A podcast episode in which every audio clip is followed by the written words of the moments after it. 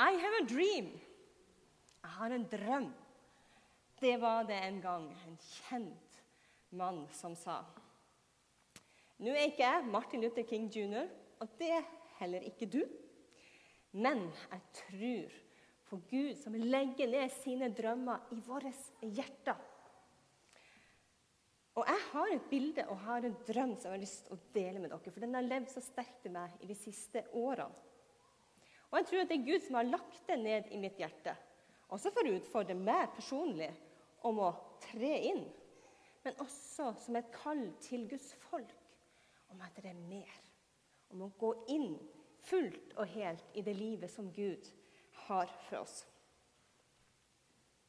Det handler dypt sett om å flytte tyngdepunktet fra meg sjøl og våge å legge det helt over på Gud og tro at det holder i praksis når vi skal leve livene våre. La oss be. Takk, Herre, fordi at eh, du ikke bare kaller oss, men du gir oss alt det som vi trenger. Og takk fordi at gjennom dette så skal vi få lov til å erfare hvor stor du er, og hvor høyt elska vi er. Og at det er det beste livet, det å våge gå helt inn til deg og gi seg helt til deg. Takk fordi du taler til oss i dag gjennom ditt ord. Åpne våre hjerter så vi kan høre din røst, Jesus. I ditt navn vi ber. Amen. Jeg skal ta dere med til ei historie i Det gamle testamentet. Det er egentlig en veldig lang sånn opptrapping til den historien. Og så har det også en lang etterhistorie. Men vi skal prøve å komme litt til kjerna, for vi skal til Josvas bok. Josva han var mannen som leda Guds folk inn i det landet som Gud hadde lovt dem. Det landet er det de skulle få. Det var landet som fløyt av melk og honning. Det var overflod. Det bugna i det landet. Og jeg vet ikke med deg, men jeg, jeg vil gjerne ha et liv i overflod. For Jesus han sa at han er kommet for å gi oss liv, og liv i overflod. Og Jeg snakker ikke om at jeg drømmer om å ha mer ting. Det kan Martin skrive under på. Det er ikke det jeg drømmer om. Men livet, livet fra Gud i overflod. Åh, gi meg det. Det er det jeg vil ha. Kan jeg høre en menighet som sier ja takk? Ja, han var i hvert fall litt her. Ja. Da skal vi lese fra Josva. Lurer på om det er det powerpoint her. Han var oppe. Men hvis den ikke kommer, så har denne er her. Ja, se der. Det tar vi derifra. Det er fra Josvas eh, kapittel 1, vers 1-9.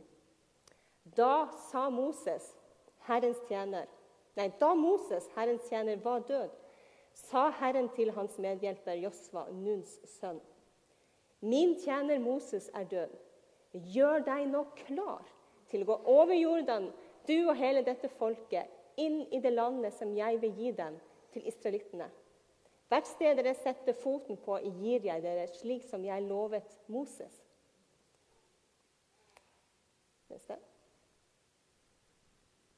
Området dere skal strekke seg fra ørken og Libanon til den store elven Eufrat, hele Hetittlandet og helt ut til storhavet, der solen går ned. Så lenge du lever, skal ingen kunne holde stand mot deg. Jeg vil være med deg, slik jeg var med Moses. Jeg svikter deg ikke og forlater deg ikke.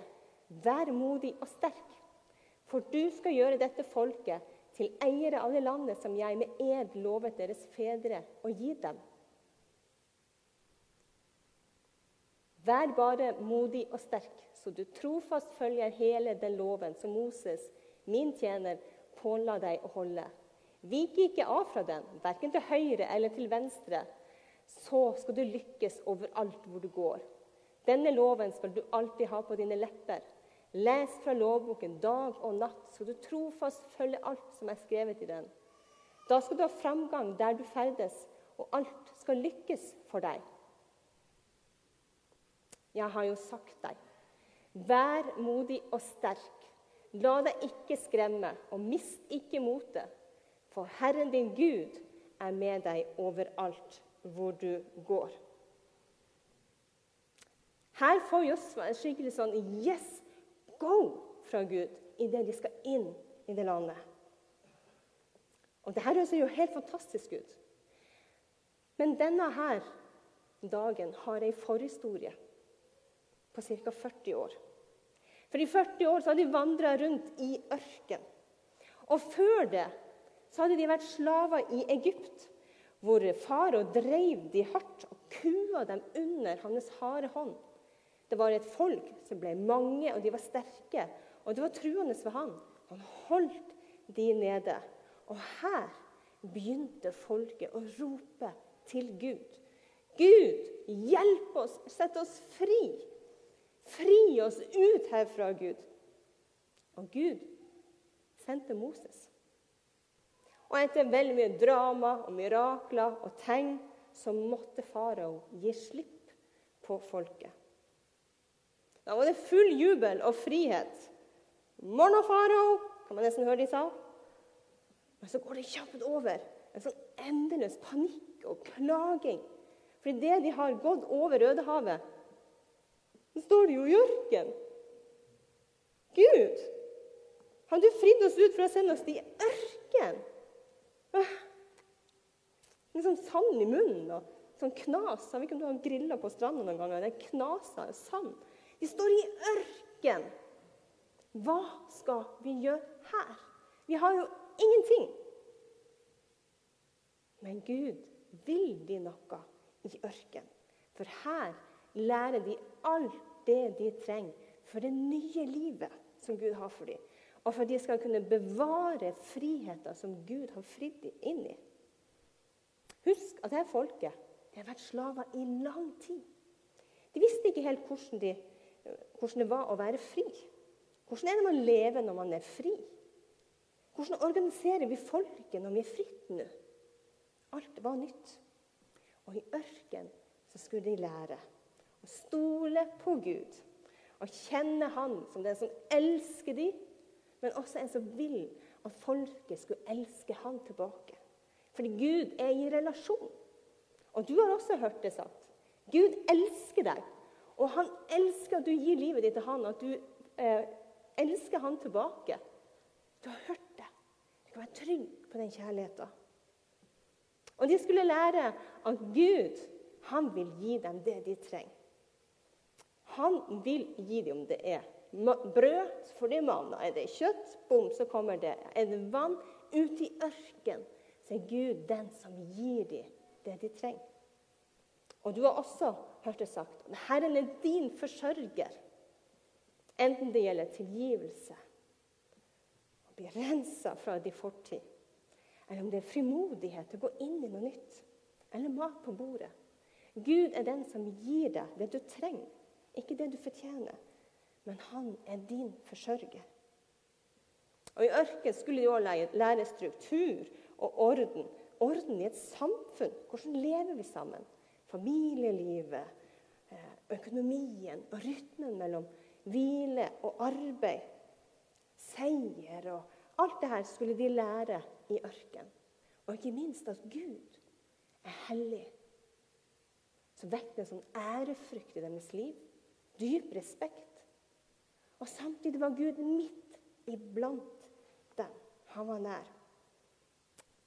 Ganske enkelt så skulle de lære alt dette, det gode livet og alt det Gud hadde for dem. Og at de kunne være trygge på at han holdt dem igjennom alt. Og han ville føre dem inn i det som er håp og framtid. Og denne ørkenskolen den varer sånn ca. knapt to år. Halvannet to år. Men så, men så, folkens, så kommer de opp til grensa til, til Kanas land, som var det landet Gud hadde lovt dem. Og så sier Gud Ta-da! Her er det! Gå inn og ta det. Dette er det jeg vil gi dere. Men så var det litt sånn usikre. Hvordan skal vi gjøre det, da, Gud? Vi sender tolv speidere inn som går inn og ser. Og de kommer tilbake og de sier det er fantastisk. Alt det vi har hørt om dette landet, det er helt sant. Det bugner der inne. Men Men det er stort men. De folkene er store og sterke og skremmende. Og vi følte oss som gresshopper i forhold til dem. Ja, det var ikke noe tvil. Det folket der de kunne knust dem. Lett som bare det. Israelsfolket hadde ikke noe å stille opp med. Hvis ikke Gud ville gi dem det. Og Av de tolv speiderne var det kun Caleb og Josva som trodde Gud. At hvis Gud kalte de inn der, så ville han også gi dem det de trengte. Men de andre ti mm -mm. Det der, det å gå rett i døden. Og Det fører til at hele folket, to millioner mennesker, begynner i en sånn endeløs panikk. Skal vi dø der inne? Nei, vi går ikke dit. Og så kan vi stoppe og si Hva skjedde der? Hva så? Jo, de stolte på seg sjøl. De målte det som Gud hadde kalt dem inn i, mot det som de sjøl hadde av ressurser, av hvem de var. Tillitens tyngdepunkt lå her, og ikke der. Hvem er vi, og hva har vi? Å nei, det er altfor lite i forhold til det der. Det er altfor stort. Og det vi har, er altfor lite. Det går ikke. Gud, det regnestykket her går ikke opp. Så stolte de ikke på Herren. At han som hadde kløyvd vann og klipper i ørken for å gi dem det de trenger, så stolte de ikke på at han også ville gi dem det de trengte da han kalte dem inn i det nye landet. Og dermed så ble det 38 år med liksom strafferunder i ørken. Og det som er interessant med denne historien, det er at det, folket her de gikk, ikke, de gikk ikke tilbake til Egypt og, og sa liksom Du, farao, eh, det var en dårlig idé, det der med Gud. Kan vi komme tilbake til deg? Nei, de gjorde ikke det. De gikk heller ikke langt inn i ørkenen for liksom ikke se på Kanans land. Å nei, vi må ikke bli minnet om det. Nei, de gjorde heller ikke det. De gjorde heller ikke sånn at de tenkte ok, nei, det var litt vanskelig, vi prøver oss på noe annet. Kanskje er det land borti her vi kan prøve oss på. Nei, de gjorde heller ikke det. Vet du hva de gjorde? De holdt seg i nærheten. Gikk langs grensa Bokstavelig talt så gikk de rundt grøten. Og så så de inn i det landet som de lengta etter, og som de drømte om. Og som de hadde hørt. Det var der de skulle vært. Så lengta de etter det landet. De klarte ikke å gå vekk. De holdt seg helt tett opp til. Og det, det folkens, det kjenner vi jo igjen. For det er nærmest en sånn mantra i dagens samfunn skal stole på deg sjøl. Det er ment godt. Men det er et eller annet som vekkes inni meg når jeg hører på det. For det er jammen meg også oppskrifter på å gå rundt grøten i livene våre. For det er overfloden, det som Jesus vil gi oss, det er der hvor jeg skifter tyngdepunkt, hvor jeg velger å ikke bare stole på meg sjøl, men legge det over på Gud og si Gud, jeg stoler på deg. Gud, jeg legger hele min tyngdepunkt på deg og det du har sagt. For hvis du innser Når du legger tyngdepunktet på Gud, så innser du at jeg begrenser livet mitt hvis jeg bare ser på det jeg sjøl kan. Hvis jeg bare vil stole på meg sjøl, så vil jeg gå glipp av det som Gud kan gjøre.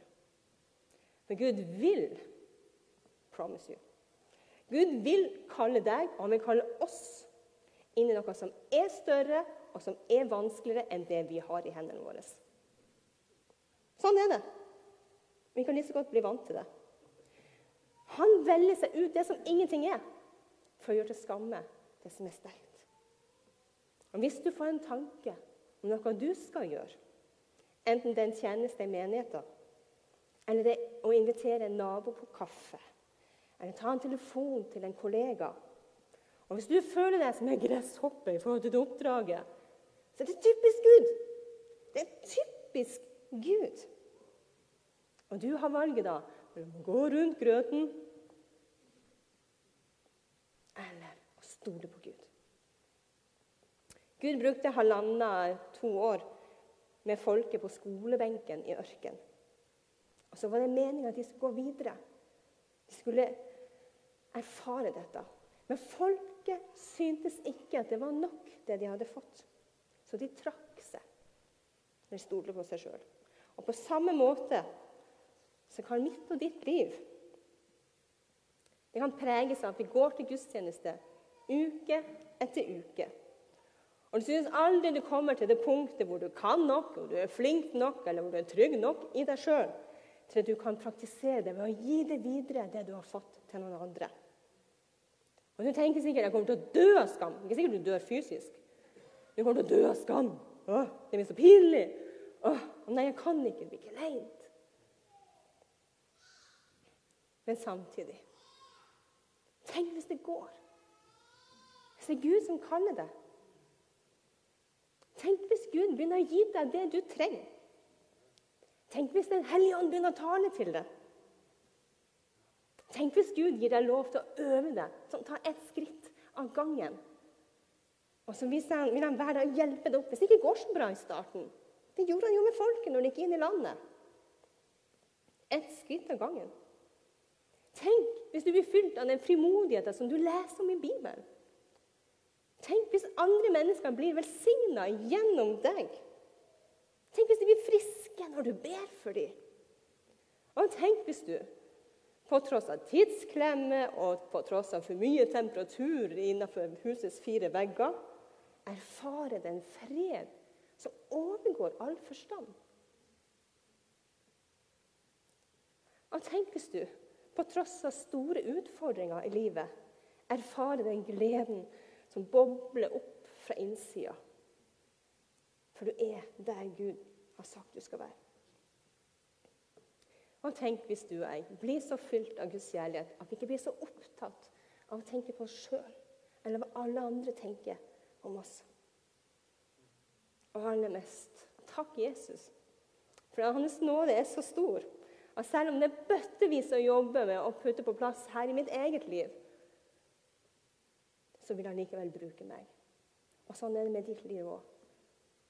Guds nåde er stor.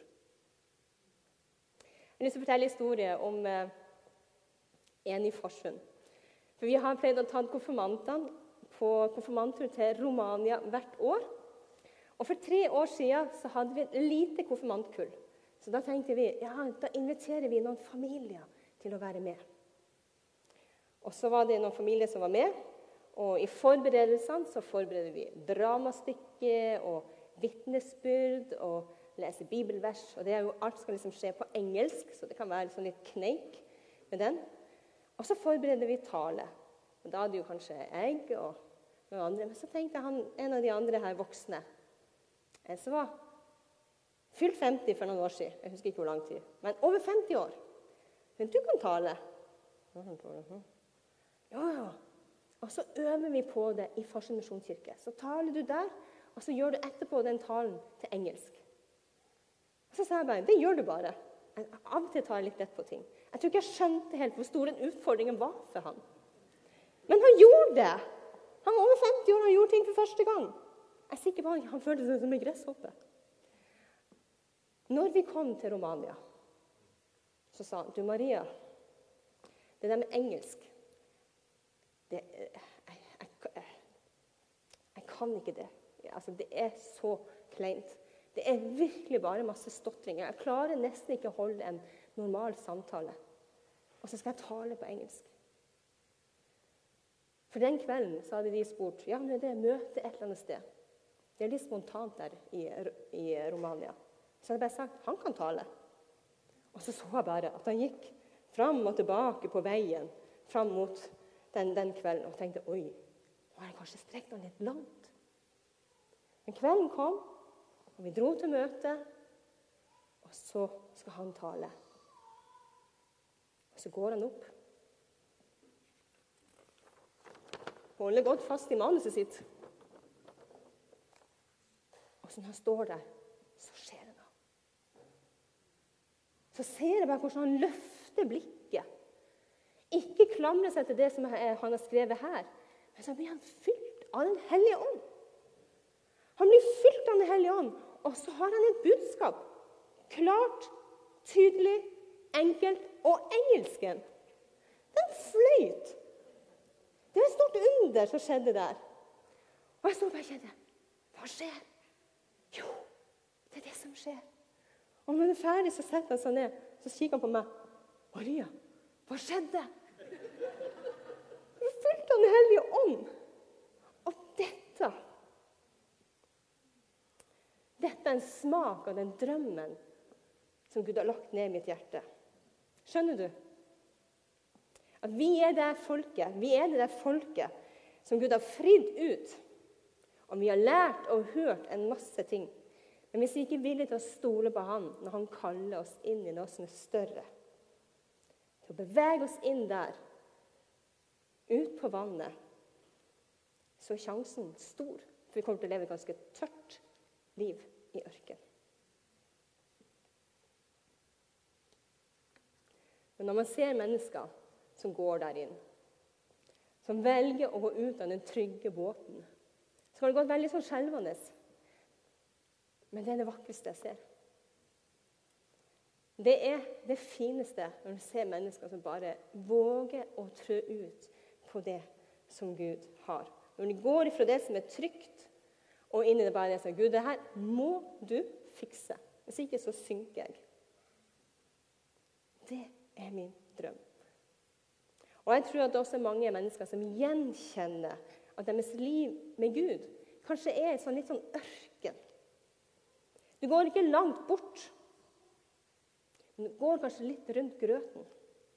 Så lengter du etter å erfare det som du hører rykte om.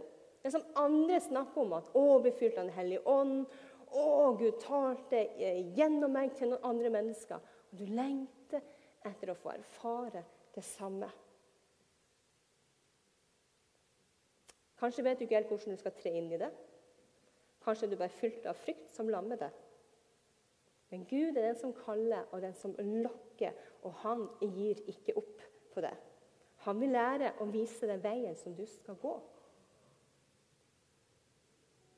Og Etter 38 år i ørken så kalte Gud folket igjen. Og Vi kan høre det til oss sjøl, hvordan Gud sier, 'Gjør deg klar til å gå'. Jeg svikter deg ikke, og jeg forlater deg ikke. Vær modig og sterk, og la deg ikke skremme. For Herren din Gud er med deg overalt hvor du går. Og så tenker jeg, Hva gjør jeg med dette nå? Så vil jeg anbefale to ting. Du kan respondere med å gå til forbønn, for det er folk som vil be for deg. Men du kan også snakke med noen. Kanskje vi trenger noen å snakke med i staben, så kan vi hjelpe deg med å finne til rette din plass. Snakk om det. Hva er det Gud kaller deg inn i? Og så er vi her for dere. La oss be. Takk, Jesus, fordi du gir ikke opp. Og du er veien. Du er sannheten, du er livet. Og takk fordi at nå kaller du på de som du ser. Lengte etter et liv i overflod med deg, Jesus. Takk fordi når du kaller, så er det fordi du har. Du har